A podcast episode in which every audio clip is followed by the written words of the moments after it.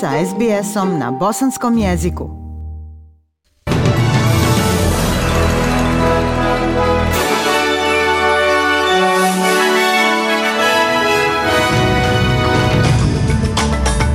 današnjim vijestima poslušajte. Dok se Savjet sigurnosti u Ujedinjenih naroda sprema da održi sjednicu danas, nova serija raketa ispaljena na Izrael od strane militanata Hamasa u Gazi. Javljaju se pitanja u vezi procesa medicinskog skeniranja koje je uspostavio Kvantas na repatriacijskim letovima iz Indije.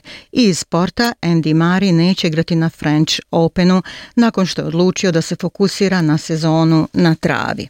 Muzika Novi raketni napad na Izrael izvršen je od strane Hamasovih militanata u Gazi. Ovo je uslijedilo nakon što je Izrael izveo zračne udare na izbjeglički logor u pojasu Gaze gdje je ubijeno najmanje stotinu ljudi dok je palestinska raketa usmrtila jedno lice u Izraelu. Glasnogovornik izraelske policije Miki Rosenfeld je rekao da je raketa koja je usmrtila jedno lice pogodila Ramat Gan, predgrađe Tel Aviva.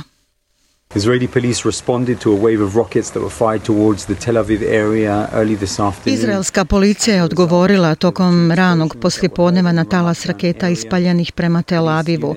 Kao rezultat imali smo dvije eksplozije koje su se čule u rejonu Ramat Gana. Jedan čovjek je pronađen mrtav, a šest drugih prebačeni su u bolnicu sa lakšim ozljedama.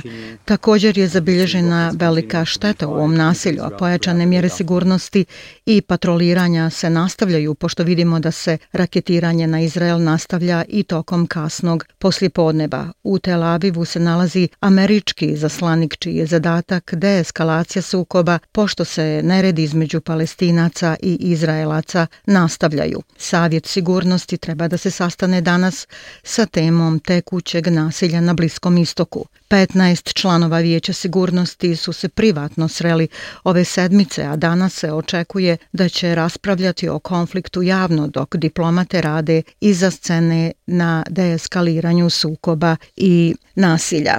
Novi izraelski zračni udari su ciljali i uništili više spratnicu u Gaza city a koja je bila sjedište mnogih ureda raznih medijskih kuća, kao što su Associated Press, Al Jazeera, TV drugi ured privredi i stambeni apartmani.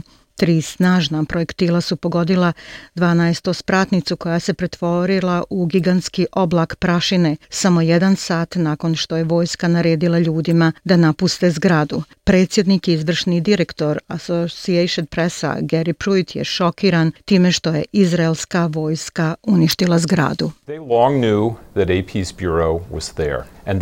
Znali su odavno da je ured Associated Pressa i tu i ciljali su ga. Za dlaku smo izbjegli veliki gubitak života. Imali smo 12 novinara u toj zgradi, a ti hrabri novinari ne samo da su uspjeli izaći, nego su spasili i značajan dio opreme, jer je važno da nastavimo da izvještavamo o ovim događanjima. Vidite, ova zgrada je imala najbolju poziciju da svijet vidi onome šta se događa u Gazi, a sada je uništena. Mi ćemo da nastavimo da radimo na obavještavanju svijeta o važnim događajima u Gazi i mi ćemo zaštititi naše novinare. Nekoliko sati nakon ovog Izrael je bombardirao kuću Halila El Hayao, vrhovnog vođe militantne grupe Hamas u Gazi, palestinske organizacije koja kontroliše pojaz Gaze. Najmanje 148 palestinaca je ubijeno od kada su počeli sukobi u ponedjeljak, dok Izrael broji 10 poginulih. Izraelski čelnici su branili pravo zemlje da se brani i da vrše udare na bojne ciljeve u pojasu gaze. Glasnogovornik izraelske vojske Jonathan Kondrikus je dao kratku izjavu nakon što je zgrada od 12 spratova u kojoj su se nalazili uredi Associated Pressa te drugih medija uništena. On je rekao da je ova zgrada bila cilj zato što se u njoj nalazila imovina koja pripada Hamasovim obavještajnim agencijama as the situation stands today after a uh, more than 300... Kako stvari stoje danas nakon što je više od 300 projektila ispaljeno prema Izraelu, mi smo odlučni da smanjimo kapacitete neprijatelja, a što je najvažnije da zaštitimo naše civile. Hiljade ljudi u Libanonu, Iraku, Turskoj i Jordanu izašlo je na ulice u znak protesta protiv nasilja u Izraelu. U Parizu i Grčkoj interventna policija koristila je vodene topove i suzavac protiv protestanata koji su dali glas podrške palestincima. Na stotine demonstranata u američkim gradovima, Bostonu i Washingtonu također izašlo na ulice zahtijevajući prekid vazdušnih napada Izraela u pojasu Gaze. Također na desetine okupljenih u Mexico Cityu izrazilo je podršku palestincima, a u Sidneju i Melbourneu održani su marševi izraza solidarnosti sa ljudima koji žive na palestinskim teritorijama. U Indiji ljudi koji žele da se vakcinišu suočavaju se sa nedostatkom vakcina kao i sa previsokim cijenama.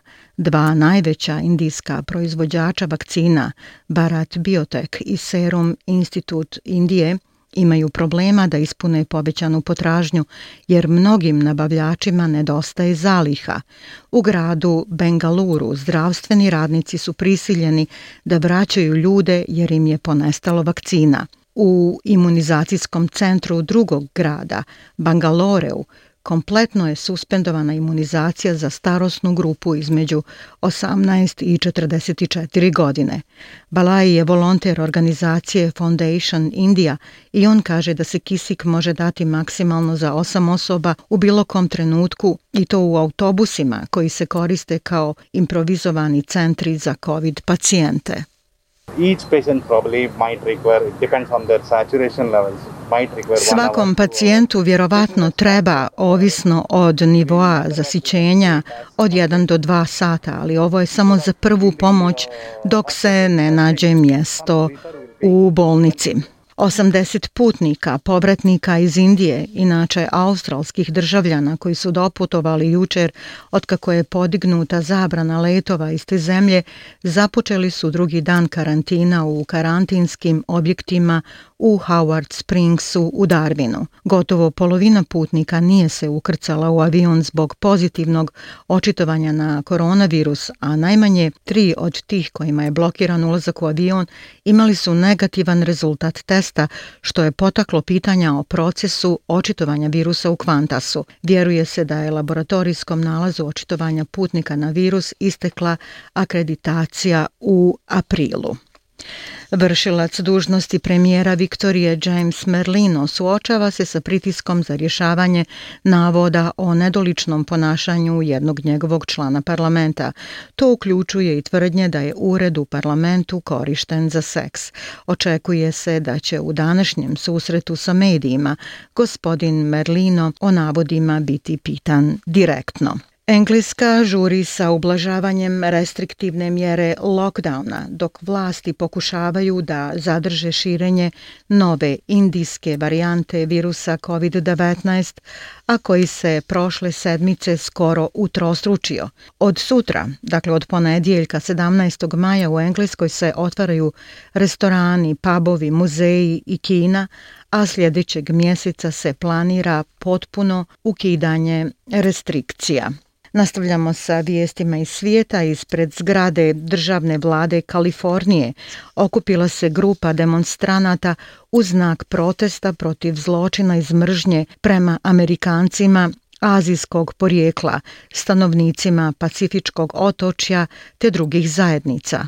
Ovaj demonstrant se uključio u proteste nazvane Zajedno protiv mržnje u Sakramentu, a njihov cilj je da se skrene pažnja na fizičko i verbalno nasilje prema nekim pripadnicima te zajednice. This is not going to be an issue where it's Ovo neće biti samo problem kada jednom prođe COVID ili samo da se kaže ovo je bila mržnja prema Azijatima i to je gotovo, nego će se nastaviti prema drugima. Znate, mi nismo virus, mi nismo oni što su započeli pandemiju. Na stotine ljudi izašlo je na ulice Bogote, glavnog grada Kolumbije u seriji daljih antivladinih protesta. Većina demonstranata koje predvodi nemire su studenti. Demonstracije su eksplodirale krajem prošlog mjeseca kada su sindikati pozvali ljude na ulice u znak protesta nakon što je vlada predsjednika Ivana Duka pokušala da podigne porez. Muzika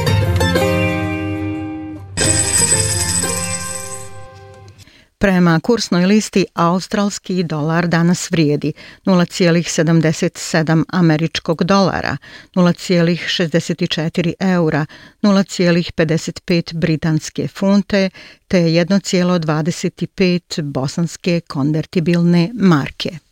Muzika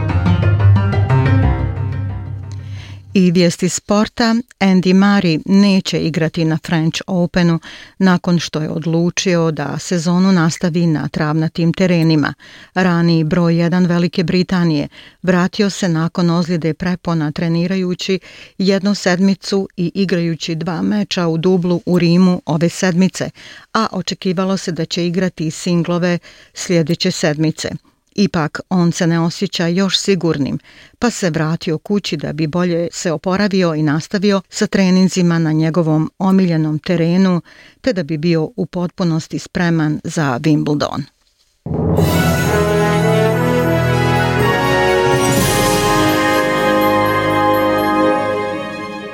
I na kraju vijesti, vremenska prognoza temperaturne vrijednosti za veće gradove u Australiji. U Pertu oblačno 27, u Adelaidu pljuskovi 17, u Melbourneu oblačno 16 stepeni, u Hobartu 14, Kamberi uglavnom sunčano 12, u Sidneju 18, Brisbane u sunčano 22 i u Darwinu sunčano 33 stepena Celzijusa. Slušali ste vijesti radija SBS. Više vijesti potražite na SBS News. Ja sam Aisha Hadži Ahmetović. Ostanite uz SBS radio. Thank you.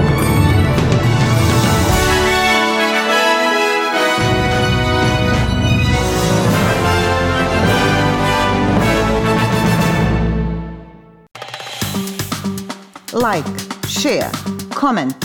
Pratite SBS Bosnian na Facebooku.